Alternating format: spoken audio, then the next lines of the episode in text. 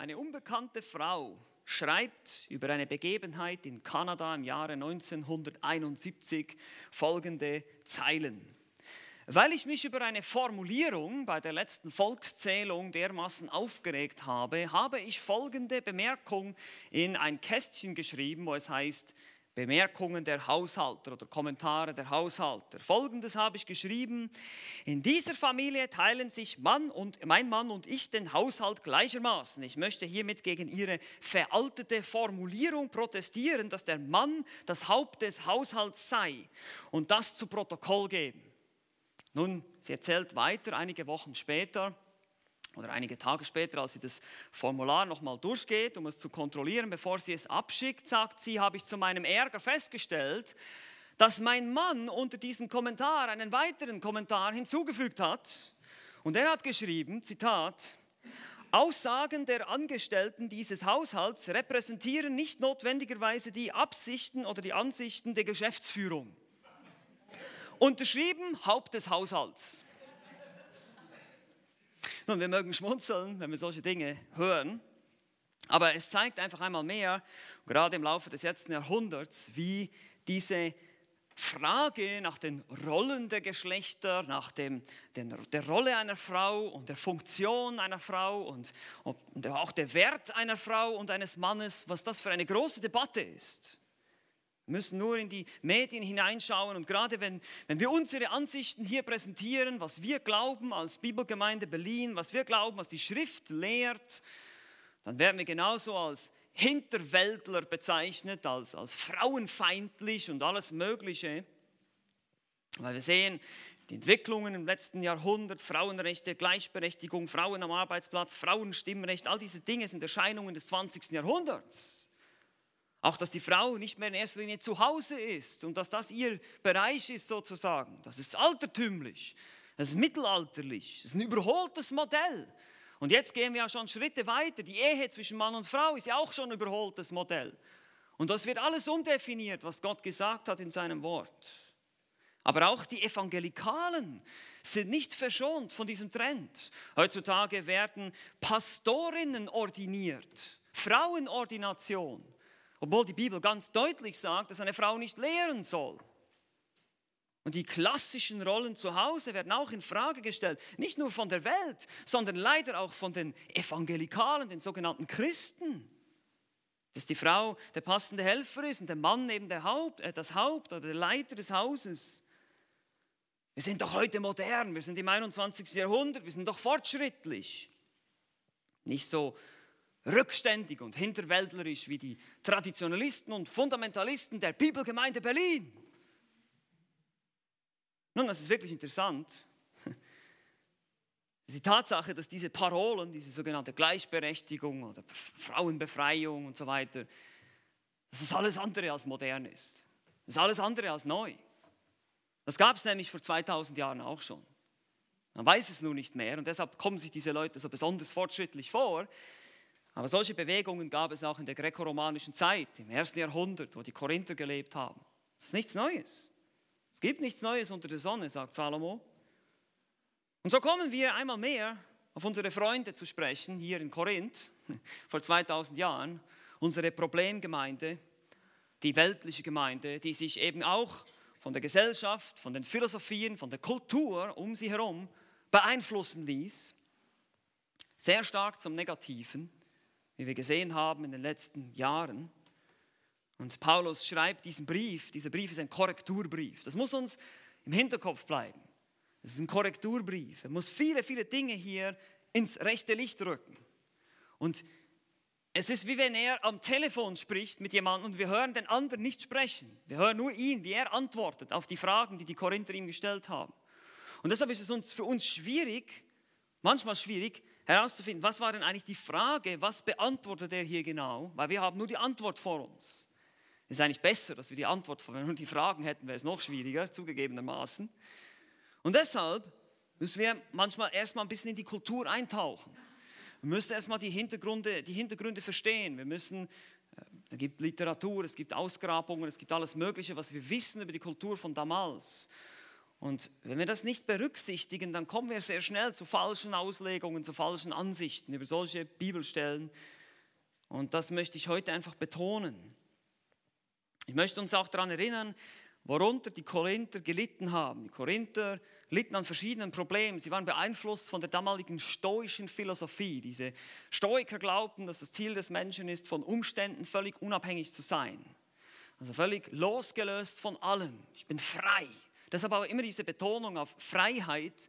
Alles ist erlaubt. Das sehen wir immer wieder im Korintherbrief. Und Paulus muss das immer wieder einschränken und sagt, ja, ihr seid zwar frei, aber die Liebe schränkt die Freiheit ein. Ihr sollt aufeinander Rücksicht nehmen. Ihr sollt liebevoll miteinander umgehen. Genauso auch der Personenkult, der daraus entstand. Die einzelnen Prediger wie Paulus und Apollos wurden dann wie Rockstars verehrt. Ja, ich bin des Paulus, ich bin des Apollos. So gab es Parteiungen und Diskussionen. Aber es gab auch Unmoral, die geduldet wurde in der Gemeinde. Man musste, ein Mann wurde geduldet, der in einer unzüchtigen Beziehung lebten. Er wurde, er wurde nicht unter Gemeindezucht gestellt und Paulus muss sie da ermahnen in Kapitel 5. In Kapitel 6 sehen wir, dass einige der Korinther ganz normal, wie das einfach zum Alltag gehörte, zu den sogenannten Tempelprostituierten gingen und das für sie nicht, nicht ein Problem war, weil ich bin ja frei. Was ich mit meinem Körper mache, hat keinen Einfluss auf meinen Geist. Alles ist erlaubt. Es ist wunderbar. Ich bin jetzt frei in Christus, ich bin unter der Gnade. Und so haben sie sich das zurechtgelegt und Paulus muss das auch korrigieren. Und so kommt er zum Kapitel 7, wo er dann auf ganz spezifische Fragen eingeht, die ihm die Korinther per Briefpost geschickt haben. Vorher geht er auf Dinge ein, die er durch mündliche Reporte gehört hat. Und jetzt in Kapitel 7, ab Vers 1, geht er auf Dinge ein, die ihm geschrieben wurden. Das seht ihr hier in Kapitel 7 Aufschlag. Im Korintherbrief heißt es, was aber das betrifft, wovon ihr mir geschrieben habt. Jetzt gehe ich mal auf eure Fragen ein hier. Erst musste er mal alles andere zurechtrücken, da gab es schon mal einige Probleme in Kapitel 1 bis 6 und jetzt geht es weiter hier. Und er spricht spezifische Probleme in einer spezifischen Situation ein. Behaltet das bitte im Hinterkopf. Das ist ganz wichtig. Das ist der Kontext hier des gesamten Abschnitts. Unterschiedlichste Themen. Es geht um Ehe und Ehescheidung, soziale Revolution, Jungfrauen, Freiheit, Götzendienst, Mitläufer, alles Mögliche haben wir angeschaut in den letzten Monaten. Vor allem gerade der letzte Abschnitt von Kapitel 8 bis 10 behandelt dieses Thema der christlichen Freiheit und wie ich Rücksicht nehmen soll auf die, auf die Geschwister mit schwachem Gewissen oder eben auch auf die Kultur, dass ich nicht Anstoß erregen soll in der Kultur, wo ich lebe, dass ich ein anständig, als anständiger Mensch leben soll. Das ist der unmittelbare Kontext hier. Damit, damit hört das Kapitel 10 auf und wir kommen direkt ins Kapitel 11. Und wie ich euch schon sagte, diese Kapitel- und Verseinteilungen sind manchmal ein bisschen verwirrend. Die führen uns manchmal ein bisschen auf eine falsche Fährte, weil ich glaube, dass Kapitel 11 sehr stark mit Kapitel 10 zusammenhängt. Und dass dieser Bruch hier, das sieht man schon, wir haben auch gesehen, letztes Mal der erste Vers von Kapitel 11 haben wir noch in den Abschnitt von Kapitel 10 reingenommen. Das gehört eigentlich noch dazu ein bisschen, sinngemäß. Aber auch schon zum nächsten Abschnitt. Paulus möchte, dass die Korinther durch ihr Verhalten nicht auffallen in der Gesellschaft negativ auffallen. Nicht, dass sie nicht auffallen durch ihre Heiligkeit oder durch das, dass sie gläubig sind, nicht das natürlich, aber dass sie nicht auffallen durch ihre Unreinheit. In Kapitel 5 lesen wir, dass sich sogar die Heiden über sie entsetzten. Also sogar unter den Römern hieß es schon und den Griechen, hey, habt ihr mal gesehen, was diese Christen da machen? Das ist ja unglaublich. Also selbst die haben das gemerkt, dass da irgendwas faul ist. Und die streiten sich und die kommen da ständig zum Gerichtshof oder streiten sich auf der offenen Straße vor Gerichten, halten da ihre privaten Gerichtsverhandlungen ab und philosophieren und debattieren wie die großen Philosophen und denken, sie sind jetzt die Größten und arrogant bis, bis weiß ich wohin, denken, sie sind angekommen in einem kleinen Millennium und herrschen jetzt über alle ihre Umstände. Das war ihre Vorstellung. Und Paulus muss das alles korrigieren. Und so ist es sehr naheliegend dass es auch hier in Kapitel 11 um eine ähnliche Problematik geht. Wir werden gleich noch mehr darüber sehen. Lass uns erstmal die Verse lesen. 1. Korinther Kapitel 11, die Verse 2 bis 16. Hier heißt es, ich lobe euch aber, dass ihr in allem meiner gedenkt und die Überlieferungen, wie ich sie euch überliefert habe, festhaltet. Ich will aber, dass ihr wisst, dass der Christus das Haupt eines jeden Mannes ist, das Haupt der Frau, aber der Mann das Haupt des Christus, aber Gott. Jeder Mann, der betet oder weissagt, indem er etwas auf dem Haupt hat, entehrt sein Haupt. Jede Frau aber, die betet oder weissagt mit unbedecktem Haupt, entehrt ihr Haupt. Denn es ist ein und dasselbe, wie wenn sie geschoren wäre. Denn wenn eine Frau nicht bedeckt ist, so lasse sie sich auch das Haar abschneiden. Wenn es aber für eine Frau schändlich ist, dass ihr das Haar abgeschnitten oder sie geschoren wäre, so lasse sie sich bedecken. Denn der Mann freilich soll nicht das Haupt bedecken, da er Gottes Bild und Herrlichkeit ist, die Frau aber ist des Mannes Herrlichkeit. Denn der Mann ist nicht von der Frau, sondern die Frau vom Mann. Denn der Mann wurde auch nicht um der Frau willen geschaffen, sondern die Frau um des Mannes willen. Darum soll die Frau eine Macht auf dem Haupt haben, um der Engel willen. Dennoch ist weder die Frau ohne den Mann, noch der Mann ohne die Frau im Herrn. Denn so wie die Frau vom Mann ist, so ist auch der Mann durch die Frau, alles aber von Gott. Urteilt bei euch selbst. Ist es anständig, dass eine Frau unbedeckt zu Gott betet? Lehrt euch nicht auch die Natur selbst, dass wenn ein Mann langes Haar hat, es eine Unehre für ihn ist? Wenn aber eine Frau langes Haar hat, es eine Ehre für sie ist, weil das Haar ihr anstatt oder für einen Schleier gegeben ist? Wenn es aber jemand für gut hält, streitsüchtig zu sein, so haben wir solch eine Gewohnheit nicht, noch die Versammlungen oder die Gemeinden Gottes. Bis hierher. Nun, wie gesagt, diese Stelle ist eine der meist umstrittenen Stellen im Neuen Testament. Könnt ihr euch sicher denken. Und ich bilde mir hier nicht ein, das will ich gerade voranstellen, dass ich euch heute oder nächste Woche, ja, wir werden zwei Sonntage dafür brauchen, die einzig wahre und dogmatisch richtige Auslegung präsentieren werde. Es gibt so viele Meinungen, wie es Ausleger gibt. Es ist äußerst komplex, äußerst schwierig. Und das will ich einfach voranstellen hier. Doch glaube ich natürlich, dass ich zu einer vernünftigen Lösung gekommen bin. Aber es kann sein, dass der eine oder der andere mit mir nicht einverstanden ist. In dem Fall ist es nicht so tragisch, weil, wir, weil das nämlich kein heilsmäßiges oder heilsnotwendiges Thema ist. Obwohl, denke ich, ist es gut, wenn wir uns damit beschäftigen und eben diese Stelle nicht einfach auslassen und sagen, naja, das kann ja eh keiner wissen, sondern dass wir uns wirklich auch intensiv damit auseinandersetzen. Es ist Gottes Wort, es wurde uns überliefert, wir sollen uns damit beschäftigen. Nun, wie gesagt, das Spektrum reicht von denen, die denken, dass es eine nicht paulinische Einfügung ist, also nicht mal von Paulus selber stammt, die ganz liberalen Ideen, was wir natürlich sowieso verwerfen, bis eben die ganz, sage ich mal, traditionell konservativen Ideen, dass eben alle heute, alle Frauen eben so ein Kopftuch tragen sollen und selbst jetzt nicht nur im Gottesdienst, sondern eben auch draußen auf der Straße, überall den ganzen Tag. Das Spektrum ist so groß. Und besonders im Verlauf des letzten Jahrhunderts wurden die Diskussionen über diese Stelle natürlich angeheizt. Ja, gerade wenn, man solche Dinge liest, wie der Mann ist das Haupt der Frau. Uh, wenn man das heute irgendwo in der Gesellschaft sagt, dann, oh, dann bist du sowieso schon abgeschrieben. Und dann heißt es auch noch, die Frau ist um des Mannes willen geschaffen worden, nicht umgekehrt. Wow. Und das ist Gottes Design. Das ist nicht, das, da können wir sehr viel lernen davon hier. Das bestätigen uns auch andere Stellen.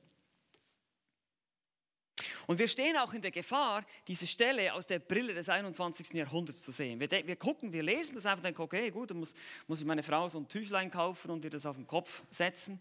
Aber wir müssen uns natürlich erstmal, das habe ich schon gesagt, in die damalige Kultur der griechisch-römischen Zeit des ersten Jahrhunderts versetzen und uns überhaupt Gedanken machen, okay, was hat das damals für eine Bedeutung gehabt? Dieses Symbol, diese Art von Kleidung. Wie haben sich die Leute generell gekleidet? Und das ist das war jetzt übrigens schon mein erster Punkt hier auf eurem Handout, die Einleitung, Grundlegendes. Jetzt kommen wir zum zweiten Punkt und wir werden sehen, wir werden heute vor allem viel, viel Information bekommen. Ich weiß, es ist ein bisschen anstrengend vielleicht für einige, aber bitte versucht euch zu konzentrieren. Wir werden dann, das wird sehr hilfreich sein, wenn wir dann den Text einsteigen. Das einfach dieses Grundverständnis zu haben. Also der kulturelle und historische Hintergrund. Zweiter Punkt auf eurem Handout. Und das ist eben die erste Frage, die wir uns stellen müssen. Was, was soll das Ganze mit dieser Kopfbedeckung und mit den geschorenen Köpfen und, und das ist alles irgendwie so fremd für uns. Ja, diese Diskussion, die haben wir heute nicht. Heute geht man zum Friseur und jeder macht so ein bisschen, was er will, ja. Und wir denken, okay, was, was, wie waren damals die Gepflogenheiten bezüglich Frisuren, bezüglich Kleidung? Und der erste Punkt hier, Unterpunkt A, ist zur Bedeckung. Die Bedeckung der kulturelle Hintergrund dieser Stelle ist leider sehr unklar. Also es gibt einige Theorien unter Gelehrten, aber da gibt es verschiedene Meinungen. Ähm, aber die ganz genauen Hintergründe kennt man nicht. Und deshalb gibt es einige, die sagen dann, das ist das Hauptargument, warum es ein zeitloses Ding sein muss.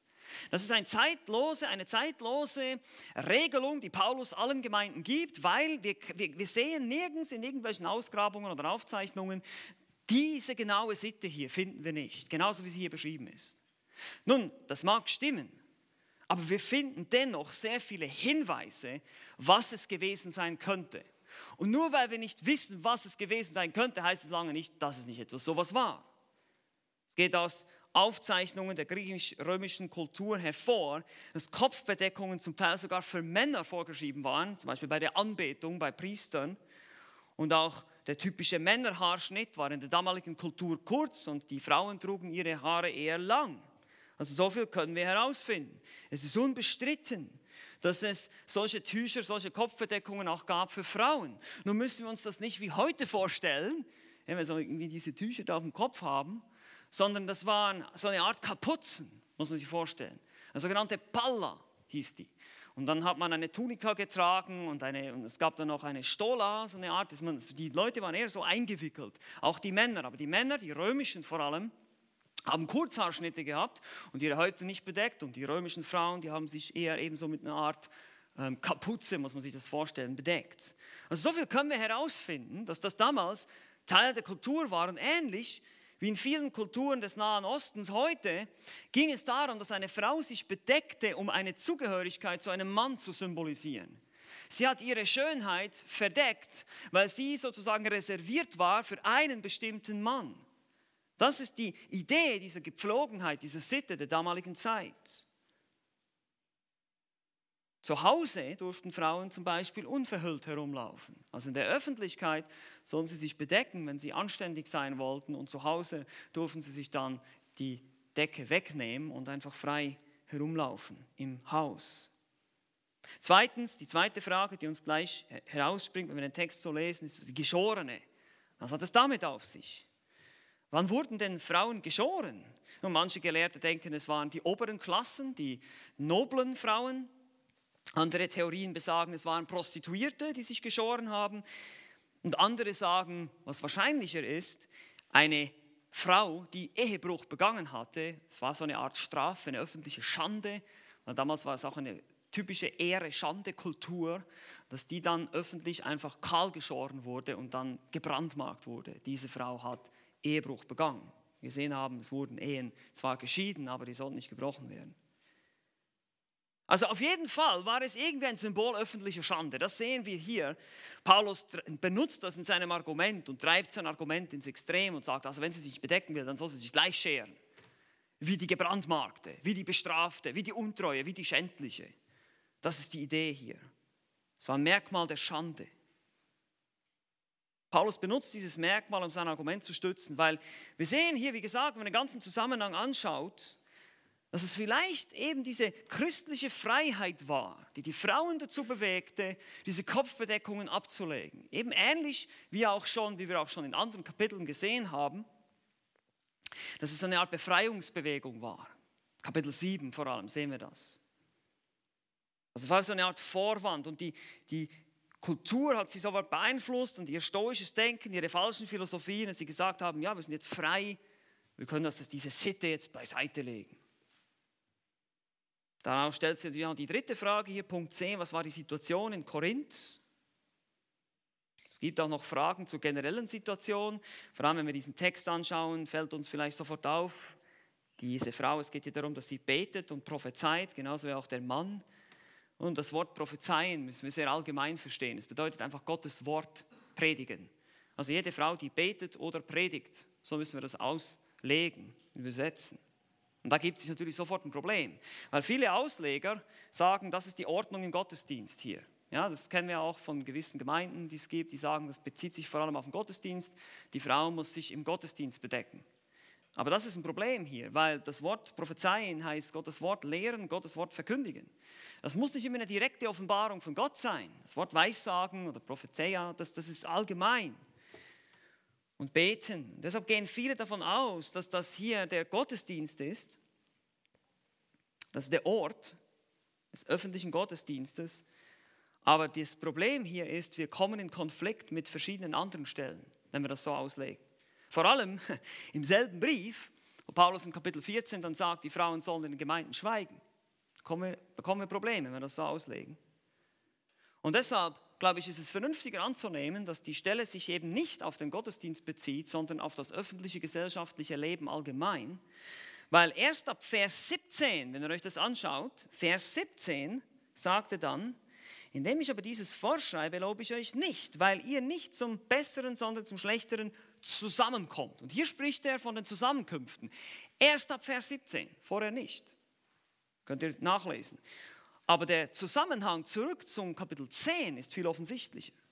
Da geht es um die christliche Freiheit. Da geht es darum, in der Kultur kein Anstoß zu sein. Man kann sich gut vorstellen, wie diese Frauen jetzt sagen, okay, wir sind jetzt frei in Christus, ich brauche mich an diese Sitten und diese Anstandsregeln nicht mehr halten. Ich mache jetzt einfach ein bisschen, was ich will.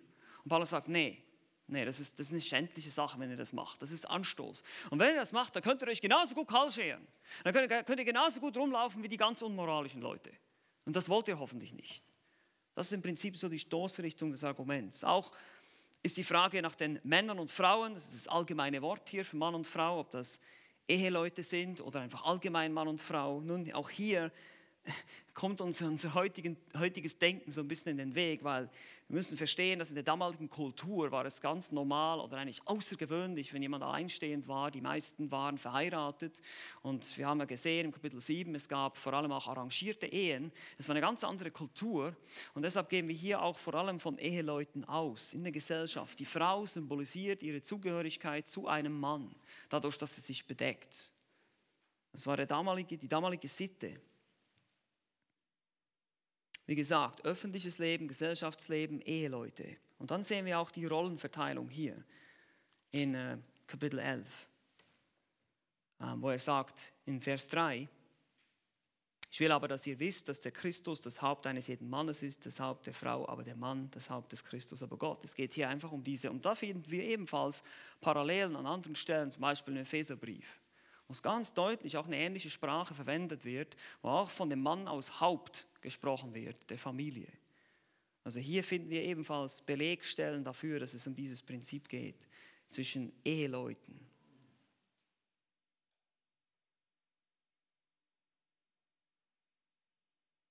Nun lasst uns zum nächsten kommen hier. Punkt 3. Das eigentliche Thema des Abschnitts. Was ist das eigentliche Thema? Das eigentliche Thema des Abschnitts ist die Kopfbedeckung, aber eben auch nicht. Und das ist eben wichtig zu verstehen. Wenn wir den kulturellen Hintergrund jetzt im Hinterkopf haben, müssen wir uns die Frage stellen, okay, was argumentiert Paulus hier ganz genau? Was will er genau sagen? Und vor allem, wie haben es die damaligen Leute verstanden? Das ist oft das, was uns so ein bisschen durch die Lappen geht, wenn wir versuchen, das Wort Gottes einfach eins zu eins in unsere Kultur direkt zu übertragen, dass wir nicht verstehen erstmal, okay, was haben die damaligen Hörer, die damaligen Empfänger verstanden? Wir müssen versuchen, das so gut wie möglich nachzuvollziehen. Also, wie schon gesagt, es geht um die Bedeckung. deshalb seht ihr hier wieder unter Punkt A heißt es bedecken. Das Wort bedecken ist ein Schlüsselwort hier. Das ist eindeutig, ist unbestritten. Das Thema bedecken hier, unbedeckt sein, etwas auf dem Haupt haben, Haar abgeschnitten haben, all diese Aussagen deuten darauf hin. Es geht irgendwie darum, was die Frau auf dem Haupt hat und was der Mann auf dem Haupt hat, aber irgendwie wird das Wort Haupt auf zwei Arten verwendet, nämlich einmal symbolisch und einmal wörtlich. Also einmal ist es die Frisur und in Vers 3 zum Beispiel ist es ein Symbol für Autorität, für eine Hierarchie. Aber es geht darum, was sie auf dem Haupt hat. Guckt euch das mal an. Vers 4, jeder Mann, der etwas auf dem Haupt hat. Vers 5, jede Frau, die unbedeckt ist. Vers 6, wenn sich die Frau nicht bedeckt, Haar abschneiden, Haar abgeschnitten. Vers 7, Mann soll sich nicht bedecken. Vers 10, Macht auf dem Haupt. Vers 13, unbedeckt und so weiter. Mann langes Haar und so weiter und so fort. Also wir sehen das sehr schnell, das ist offenbar das Thema. Und zweitens, Punkt B, es geht um die Frauen in erster Linie. Also es sind nicht in erster Linie die Männer angesprochen, sondern es richtet sich an die Frauen. Das Wort Frau ist das Hauptthema in dem Abschnitt. Woran können wir das sehen? Nun, es kommt elfmal vor. Mehr oder weniger in jedem Vers. Fast in jedem Vers. Vers 3, Vers 5, Vers 6, Vers 7, Vers 8, Vers 9, Vers 10, Vers 11, 12, 13 und 15. Überall. Vergleicht dagegen das Wort Mann nur achtmal. Also auch hier sehen wir schon, einfach nur durch das Beobachten der Textstelle, wenn wir es vielleicht ein paar Mal durchlesen, okay, das Thema selber ist nicht so schwierig, das Argument ist nicht so schwer nachzuvollziehen, was er hier sagt. Die Frage ist nur, was bedeutet es damals und was bedeutet es für uns heute? Ja, es ist zum Beispiel Vers 4 und 5, jeder Mann, die Frau aber, also sie wird sogar noch in Kontrast gesetzt, der Mann soll das zwar tun, aber die Frau. Und deshalb, wir sehen immer wieder, es geht ihm um die Frau. Das ist eine ausführliche Begründung, warum die Frau sich eben bedecken soll. Die Frau soll eine Macht auf dem Haupt haben. Wir werden noch darauf eingehen, was das genau bedeutet. Dennoch ist weder die Frau etwas ohne den Mann. Es geht dann auch um die verschiedenen Rollen und Funktionen, die sie haben. Also die Frau und ihre Bedeckung ist das Thema, ist der vorherrschende Begriff und das Thema des Abschnitts. Aber wie gesagt, warum? Warum diskutiert Paulus hier über diese Sache? Und wie ich schon sagte, wir müssen in die Kultur eintauchen von damals und uns ein Bild machen. Die Frauen in der damaligen Kultur brachten durch die Kopfbedeckung eine bestimmte Herzenshaltung zum Ausdruck. Und das ist es, was Paulus mit ihnen diskutiert. Die Herzenshaltung, sich als Christen dem Ehemann unterzuordnen, ein anständiges Leben in der Gesellschaft zu führen und keine falschen Signale an fremde Männer zu senden. Ist das nicht interessant? Ist das nicht aktuell? In der damaligen Kultur, Kultur, zeigten sich anständige Frauen bedeckt in der Öffentlichkeit. Christen sollten keinen Anstoß erregen. Das ist der Kontext in Kapitel 10, Vers 32 und 33. Aber lasst uns noch eine weitere Frage klären. Obwohl ihr schon wisst, jetzt in welche Richtung es gehen wird, möchte ich es nochmal deutlich machen. Das ist der Punkt 4. Die entscheidende Frage, Kopfverdeckung, kulturell oder allgemein. Du kannst jetzt sagen, okay, das hört sich alles sehr nett an, deine Erklärungen, Pascal, das ist sehr interessant. Aber wie begründest du das genau? Gibt es da noch mehr Argumente als einfach nur, okay, wir können das sehen, in der damaligen Kultur war es offenbar, es gibt so Ähnlichkeiten, man kann es zwar nicht ganz genau definieren, und das wird ja, wie gesagt, als Gegenargument gegen meine Position verwendet, aber ich denke nicht, dass das stark genug ist. Nur weil wir nicht genau wissen, was es war, heißt es nicht, dass es etwas war. Es ist ein Trugschluss, so zu argumentieren. Aber die Frage ist, was gibt es sonst noch für Argumente? Nun, wie ihr sehen könnt auf eurem Handout, ich habe neun. Neun Argumente, keine Angst, die Predigt dauert heute nicht bis 14 Uhr. Ähm, ich werde das kurz zusammenfassen. Wer das ausführlicher haben möchte, kann, dem kann ich meine Notizen geben. Meine ausführlichen Notizen sind irgendwie über 23 Seiten, aber wenn, wenn wer das interessiert. Aber ich versuche das so gut wie möglich zusammenzufassen, einfach, dass ihr das mal einmal gehört habt. Also, das sind neun Argumente, warum das ich glaube, dass die Kopfbedeckung in 1. Korinther 11 nur ein kulturelles Symbol war in der damaligen Welt, um tiefer liegende Herzenseinstellungen auszudrücken. Das ist die Idee. Also mit dieser Kleidung, mit diesem Kleidungsstück wurde etwas ausgedrückt, eine Haltung, eine Einstellung. Und da glaube ich auch, dass für uns die Anwendung ist für heute. Das heißt also nicht, wenn ich sage, ich glaube nicht, dass Frauen sich heute noch bedecken müssen, dass das deshalb diese Stelle keinen Wert hat für uns. Im absoluten Gegenteil. Und wir werden das nächstes Mal vor allem anschauen, wie aktuell und wie wichtig viele dieser Anwendungen sind, die wir rausziehen können aus dieser Stelle. Aber lasst mich das erstmal festmachen hier. Erstens, warum glaube ich das? Warum glauben wir das? Prinzipien der Auslegung ist der erste Grund. Nun, wenn man konsequent grammatisch, historisch diese Stelle auslegt, wenn man nach den Prinzipien, die gesunden, die gesunden Auslegungsprinzipien anwendet. Ihr dürft euch gerne das Seminar nochmal anhören, was wir gehabt haben hier unlängst, dann können wir nur zu diesem Schluss kommen. Ja, das ist mal der erste Grund. Und an der Stelle gibt es den Einwand, hm, äh, weil wir eben nicht genau wissen, was der Hintergrund war, aber das haben wir schon erledigt. Aber was sind die Prinzipien hier? Nun, erstens muss man immer danach fragen, wenn solche Stellen kommen. Nehmen wir andere Beispiele. Nehmen wir den heiligen Kuss. Grüßt euch einander mit dem heiligen Kuss. Alex mag das so. Ja? Nehmen wir die Fußwaschung. Ja? Das sind alles Dinge aus der damaligen Kultur. Und wenn wir, wenn wir einer solchen Sache begegnen, müssen wir erstens die Frage stellen, hat das heute eine andere Bedeutung als damals? Also im Falle dieses Kopftuches drückt das heute, wenn eine Frau sich bedeckt, immer noch dasselbe aus wie damals? Die Antwort ist nein, natürlich nicht. Und dann müssen wir zweitens das zeitlose Prinzip dahinter finden. Was wurde dann damit ausgedrückt? Dieses Symbol ist nicht mehr dasselbe, aber es wurde damit ausgedrückt. Und drittens können wir ein kulturelles Gegenstück finden in unserer Zeit. Nun, im Fall der Kopfbedeckung wäre das vielleicht der Ehering. Oder dass die Frau ihren Nachnamen ändert. Ja? Das einfach zeigt, ich gehöre zu diesem Mann. Ich ändere meinen Namen. Meine Frau heißt nicht mehr Frau von Rüthi, sie heißt jetzt Frau Grosjean, die gehört zu mir. Das ist eine andere Art und Weise, das auszudrücken, dieselbe innere Einstellung auszudrücken. Also wir haben andere Symbole, dieselbe Einstellung. Und das sehen wir, wie gesagt, auch bei anderen Bibelstellen. Grüßt euch einander mit dem heiligen Kuss. Wir küssen uns auch nicht alle, wenn wir hier reinkommen. Es gibt offenbar kulturelle Unterschiede zwischen den Leuten damals und zwischen uns. Und wenn man mit gesunden Auslegungsprinzipien an diese Stelle herangeht, kommt man im Prinzip zum selben Resultat. Das ist das erste Argument. Zweitens, zweitens, die Hauptaussage des Abschnitts. Guckt euch nochmal an, was die Hauptaussage des Abschnitts ist. Das ist Vers 3. Vers 3 macht deutlich, dass es hier um die Rollen der Geschlechter geht. Nicht in erster Linie um die Kopfverdeckung. Die Kopfbedeckung wird nur angesprochen, weil Paulus über die Rollen der Geschlechter spricht. Woran können wir das sehen? Ganz einfach. Vers 3 kommt vor allen anderen Versen. Das ist ganz simpel. Er, er, er gibt uns das Prinzip in Vers 3. Er sagt, ich will aber, dass ihr wisst, Christus ist das Haupt des Mannes, das Haupt der Frau ist der Mann, äh, das Haupt des Christus ist Gott. Und jetzt, so kommt es zum Ausdruck. Und weil, weil das so ist, weil das so machen soll, hier ist die Begründung ja, Schöpfungsordnung. Und dann kommt nochmal etwas zum Gleichwertigkeit, in Vers 11. Also ihr müsst nicht denken, dass das heißt, dass die Frau weniger wert ist. Und dann kommt nochmal die Frage nach dem Anstand. Denkt ihr wirklich, dass das unanstößig ist, wenn ihr euch so benehmt? Das ist alles hier. Das ist eigentlich nicht so schwer nachzuvollziehen. Aber das Vers 3 macht deutlich, es geht um die Rollen. Auch hier gibt es eine Alternative. Jemand hat gesagt, es könnte sein, dass Paulus in Kapitel 11, Vers 3 ähm, sein Prinzip äh, sagt und lehrt.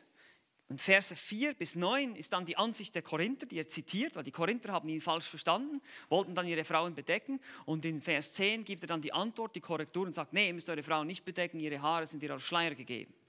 Und diese Ansicht ist sehr interessant von Thomas Schirmacher, ich auch durchgelesen, aber das, aber das Problem mit dieser Ansicht ist, das Hauptargument gegen diese Position ist relativ simpel. Wir finden überhaupt keinen Hinweis hier in der Stelle, dass Paulus irgendwo ein Zitat der Korinther einfügt, dass er ihre Position zitiert, wie er das an anderen Stellen ja gemacht hat.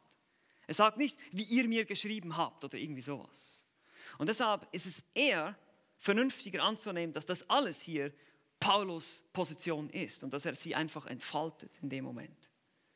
Also, wir bleiben dabei. Vers 3 ist die Hauptaussage. Es geht um die Rollen. Drittens, gehen wir ein bisschen schneller voran, der Ausdruck Haupt. Wir haben diesen Ausdruck Haupt in Vers 3 und dann auch, wie er weiter verwendet wird. Es geht um eine Hierarchie, um eine Struktur von Autorität und Unterordnung. Das ist hier im Blickfeld. Nicht so sehr die Kopfbedeckung. Dasselbe gilt für Punkt 4, Argument 4. Funktion ist im Blickfeld und nicht die Kleidung.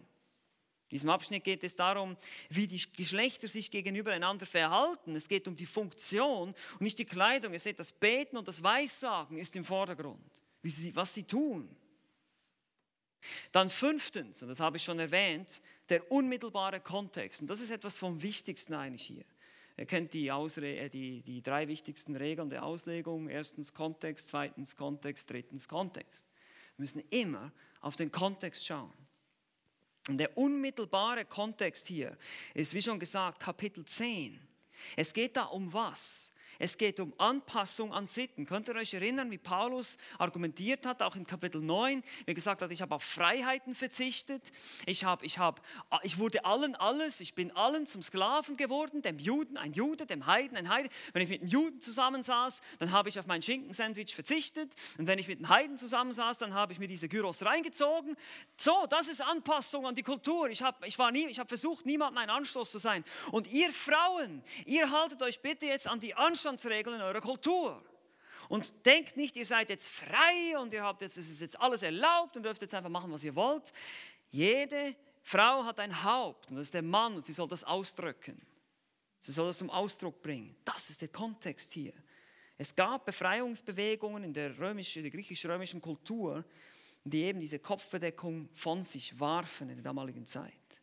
Und das passt eben auch zum stoischen Denken und dieser überrealisierten Eschatologie, eben, dass sie denken, wir sind schon sozusagen wie Endzeitmenschen, wir sind schon übernatürliche Supermenschen jetzt. Die Umstände können uns nichts mehr anhaben, deshalb brauche ich mir überhaupt keine Gedanken machen über irgendwelche Sitten und Gebräuche und Symboliken. Das ist völlig egal, ich bin jetzt frei.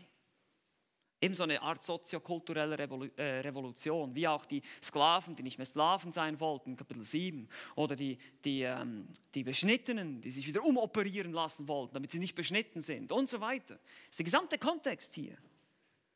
Und das ist auch der sechste Punkt, das ist der weitere Kontext. Ja, das habe ich jetzt eigentlich schon gesagt. Der weitere Kontext hier, der Abschnitt ist in einem größeren Abschnitt eingebettet, wo Paulus auf spezifische Probleme in, in Korinth eingeht. Es ist schon interessant, dass man ausgerechnet hier diese Stelle findet und dass oft in den ganzen Diskussionen und Debatten, die es gibt, und glaubt mir, ich habe einige gelesen, wird oft nur auf die Kultur geschaut und gesagt, ja, in der Kultur damals, aber das kann man nicht so klar sagen, römische Kultur, griechische Kultur, jüdische Kultur, wahrscheinlich weniger. Also ist es wahrscheinlich ein allgemeines Prinzip, aber der Kontext wird gar nicht betrachtet, und zwar der Briefkontext des gesamten Briefes. Und deshalb bin ich sehr froh, dass wir den gesamten Brief erstmal zusammen studiert haben, bevor wir hier angekommen sind. Dass wir nicht von Anfang an hier Kapitel 11 gesagt haben, okay, lasst uns mal jetzt diese Stelle nehmen, einfach weil es so eine schwierige ist sondern weil wir einfach von Anfang an den gesamten Kontext angeschaut haben. Paulus spricht spezifische Probleme in einer spezifischen Situation ein. Viele der Themen sind kulturell eingebettet, nicht nur das Kopftuch. Eben, die Sklaven, das Sklaventum, was es heute nicht mehr gibt. Wir wenden das ja auch anders an. Wir sagen nicht, okay, wir müssen jetzt wieder Sklaventum einführen hier bei uns in der Gemeinde. Nein, wir wenden das einfach auf die Arbeitgeber an. Die sind manchmal auch Sklaventreiber, ich weiß. Aber wir sollen uns unterordnen. Genau. Und so wenden wir die, suchen wir nach dem zeitlosen Prinzip. Wir haben kein Sklaventum mehr, wir haben trotzdem Leute, denen wir uns unterordnen müssen. Und genauso ist es hier der Fall. Punkt 7, die Wortwahl der Stelle, ist genau ein weiteres Argument, was hindeutet auf eine spezifische lokale Situation in Korinth. Es gibt viele Worte hier, die wir nur hier finden im gesamten Neuen Testament. Und genauso Punkt 8, die Einzigartigkeit der Stelle. Wir finden nichts anderes im gesamten Neuen und Alten Testament. Das macht es so schwierig, aber eigentlich sollte uns das auch einen Hinweis geben. Jemand hat mal zu mir gesagt, es fehlen die zwei oder drei Zeugen für diese Stelle. Ja, es müsste irgendwo, irgendwo anders im Neuen oder im Alten Testament irgendwelche Hinweise geben, dass das wirklich ein allgemeines geistliches Prinzip sein soll, dass es um die Kopfbedeckung geht. Andere Elemente finden wir überall in der Schrift. Ja, die Rollen der Geschlechter, die Unterordnung der Frau, das finden wir anderswo auch. Das können wir belegen mit anderen Bibelstellen. Aber nicht die Kopfverdeckung. Das ist einzigartig. Das ist nur hier. Und das findet man gar nirgends. Dann kommt man nicht irgendwie mit der Geschichte von Isaac und Rebekka, weil sie sich da bedeckte. Das ist was ganz anderes. Okay, das, äh, das ist auch die Kultur damals. Das haben einige auch argumentiert.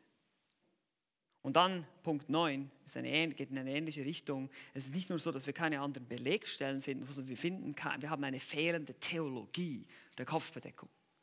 Es gibt einige Kreise, die sagen, okay, die Kopfbedeckung ist gleichzustellen mit dem Abendmahl, also mit dem Mahl des Herrn und mit der Taufe. Das ist ein, das ist ein drittes Ritual des Christentums. Wir haben nicht nur zwei, wir haben drei, sagen sie. Das Problem mit dieser Ansicht ist, dass die anderen Rituale, wenn ich sie mal so nennen darf, Taufe und Abendmahl, ganz klar an anderen Stellen der Schrift gelehrt werden. Wir können eine Theologie, nicht nur im Neuen Testament, wir können sie ins Alte Testament zurückverfolgen. Es gibt Waschungen bei Proselytentaufen, es gibt das Passamal, wo der Ursprung des Abendmahls herkommt. Wir finden eine Theologie, wir können es systematisch theologisch herleiten, wo diese Dinge herkommen aus der Schrift und dann, was sie für uns bedeuten. Das Mahl des Herrn, es wird uns deutlich gelehrt. Nicht so die Kopfverdeckung. Also ist es offensichtlich, dass es Paulus hier nicht in erster Linie um diese Kopfbedeckung geht, sondern das war die, die Ausdrucksweise in der damaligen Kultur, sondern es geht ihm um die darunterliegenden Prinzipien.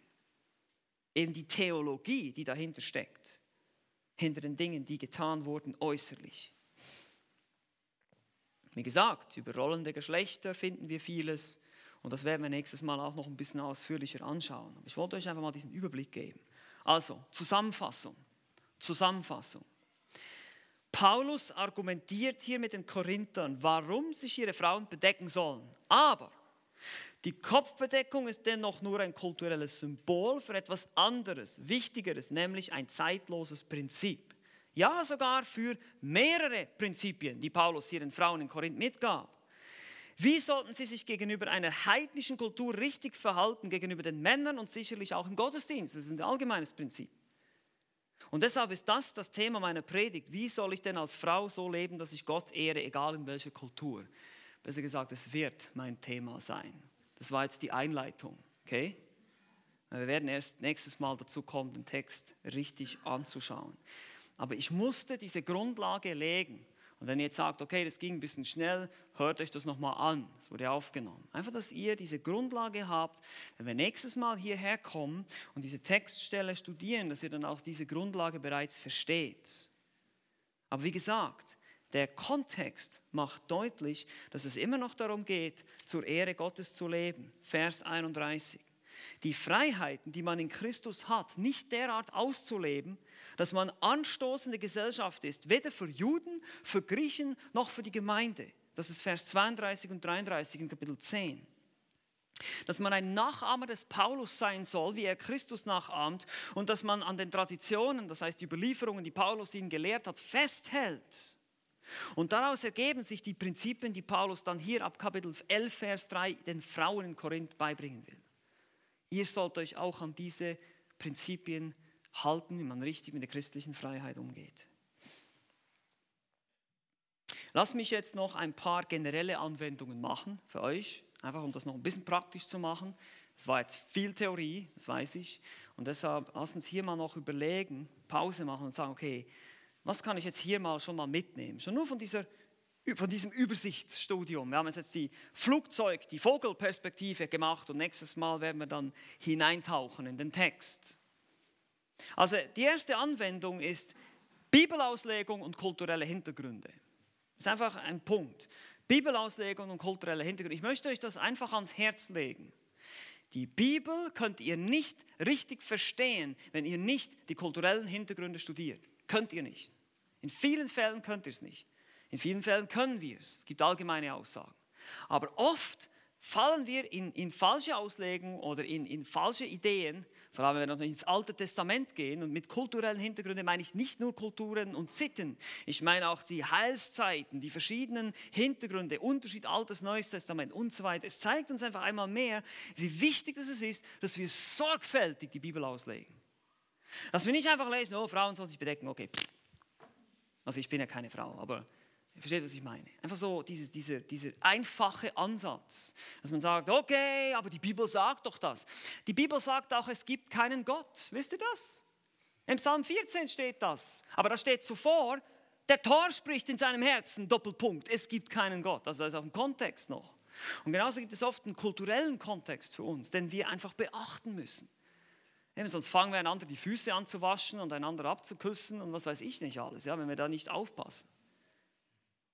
Das ist Unsinn. Es ist Unsinn, es ist einfach eine falsche Auslegung, wenn man denkt, dass die Christen von heute die Kleidermode des antiken Korinths übernehmen sollen. Das ist einfach Unsinn, wirklicher Unsinn. Man hat überhaupt nicht verstanden, worum es hier geht an dieser Stelle. Und das ist tragisch. Und wenn wir nächstes Mal darüber sprechen, eigentlich, eigentlich ist es genau kontraproduktiv, weil wir tun nämlich genau das, was Paulus nicht wollte. Wenn, wenn wir unseren Frauen sagen, sie müssen ihre Kopftücher tragen. Weil es ging nämlich darum, dass sie sich der Kultur anpassen sollen, dass sie nicht unnötig, un, unnötig auffallen sollen. Wenn wir mit Kopftüchern rumlaufen, in der heutigen Gesellschaft wirken genau das Gegenteil.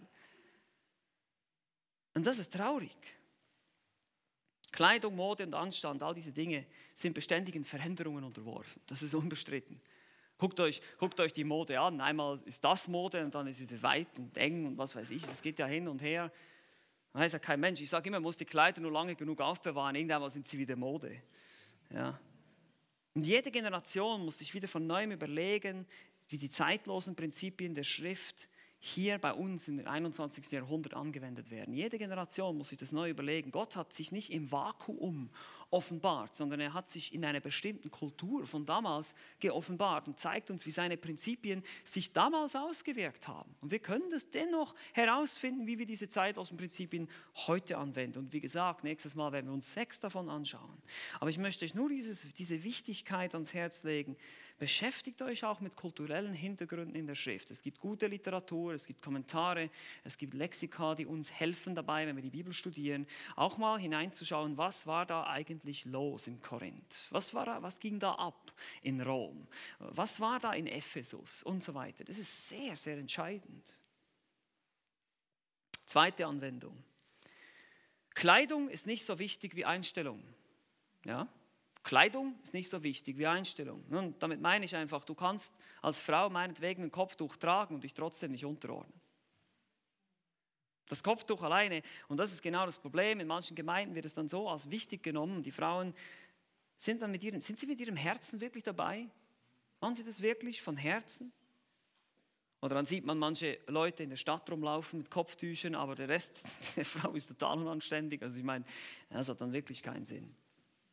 Also wie gesagt, wir müssen uns überlegen, was hat die Symbolik damals verkörpert und welche Symboliken verwenden wir heute, um dasselbe Prinzip zum Ausdruck zu bringen. Drittens, und das habe ich schon eigentlich erwähnt, Christsein bedeutet nicht weltfremd zu werden. Also wir sind eben nicht abgehoben wie die Korinther. Wir sagen nicht allen, allen Gepflogenheiten, allen Anstandsregeln und allen Manieren einfach goodbye. Wir sind ja jetzt frei, alles ist erlaubt. Ja, manchmal muss ich meinen Kindern sagen, wenn wir am Tisch sitzen, na, ihr wünscht euch wahrscheinlich, ihr wärt in Indien, da ist nämlich Rülpsen am Tisch anständig, aber hier leider nicht. Und wenn wir Christen sind, da wollen wir uns anständig benehmen. Also Anstand, Höflichkeit, Manieren und solche Dinge sind keine biblischen Gebote. Wir finden das nirgends in der Bibel. Du sollst das Messer so halten und die Gabel so halten, nach Knicke, wie auch immer. Aber trotzdem versuchen wir uns einigermaßen anständig zu benehmen. Und genau das war das Problem der Korinther. Sie haben einfach gesagt, okay, wir werfen das mal alles über Bord, wir sind ja jetzt frei. Und das tun wir nicht. Also Christsein bedeutet nicht in dem Sinne weltfremd zu werden, dass wir uns völlig absolut von unserer Kultur völlig absondern. Wir sollen uns von der Kultur absondern, wo sie eben uns weltliche Maßstäbe in die Gemeinde hinein importieren will. Das ist klar, das war das Problem der Korinther. Aber wir sehen, wie Paulus, und das ist so interessant, wie er hin und her geht. Er sagt, einmal sagt er, ihr sollt euch nicht anpassen, an der anderen Stelle sagt er, ihr sollt euch anpassen. Ich habe mich auch angepasst. Und wir brauchen die Weisheit herauszufinden, wo wir was tun sollen. Wo sind es klare Sünden, wo, sind, wo ist es klare Unmoral, wo wir sagen, das müssen wir ablehnen, das widerspricht der Schrift. Und wo sind es einfach kulturelle Gepflogenheiten, wo ich sagen kann, ich kann allen alles werden, ich kann mich anpassen. Als Missionar, als jemand, der Christus verkündigen möchte. Viertens, auch ganz wichtig hier, Frauen spielen eine wichtige Rolle in der Gemeinde. Diese Stelle, bin überzeugt von vielen, wird als frauenfeindlich gesehen. Ah, das ist ja Unterordnung und ja, Rollen und aber die Tatsache, dass Paulus sich um die Frauen sorgt um ihr Verhalten und um ihr richtiges Benehmen in der Gesellschaft von damals zeigt, dass Frauen wichtig sind. Wisst ihr, es ist einfach nicht wahr, dass die Bibel oder das, was der Apostel Paulus geschrieben hat, frauenfeindlich sein soll. Das ist einfach nicht wahr. Das Gegenteil ist der Fall. Und hier wiederum, wenn wir die damalige Zeit und Kultur verstehen, Frauen waren damals nichts wert. Das waren Objekte, Lustobjekte, die wurden missbraucht. Und das Christentum hat der Frau ihre Würde zurückgegeben. Und Paulus ist besorgt hier um das richtige Verhalten der Frauen in der Gemeinde und auch in der Gesellschaft. Das heißt, es ist ihm ein Anliegen. Paulus hat mit sehr vielen Frauen zusammengearbeitet. Wir sehen das in seinen Grüßen. Lest mal Römer 16 am Schluss die Grüße, wie viele Frauen er da als Mitarbeiter bezeichnet. Und wir sehen das bei uns in der Gemeinde auch. Wie viele wichtige Dienste werden hier durch Frauen getan. Single-Frauen, Mütter, Verheiratete. Es gibt so viele Dienste bei uns. Das wäre gar nicht ohne euch Frauen, das wäre nicht auszudenken hier. Wir würden den Laden nicht schmeißen können. Ja, es, ist, also es ist überhaupt nicht frauenfeindlich, was wir hier sehen. Und die Bibel macht es deutlich, vor allem die Verse 11 und 12 macht Paulus ganz deutlich, dass eine Frau gleichwertig ist wie der Mann. Die Funktion und die Rolle hat nichts mit dem Wert zu tun. Und das ist so oft, wird es selbst von Evangelikalen heute falsch verstanden. Und sie kommen dann auch mit Missbrauch von Galater 3,28. Ja, da ist weder Frau noch Mann. Das, da geht es um die Errettung dem Kontext da, wenn ihr das mal anschaut. Kapitel 3 im Galaterbrief. Da geht es um die Errettung, da ist weder Mann noch Frau. Aber es heißt nicht, dass die Geschlechter jetzt einfach verwischt werden. Das hasst Gott. Eine Frau ist immer noch eine Frau und ein Mann ist immer noch ein Mann. Also lasst uns darauf achten, diese Dinge zu tun. Und wir werden nächstes Mal hier weitermachen und hoffentlich noch ein bisschen tiefer in den Text einsteigen können. Ich hoffe, das motiviert euch nächstes Mal wiederzukommen. Lasst uns doch gemeinsam beten.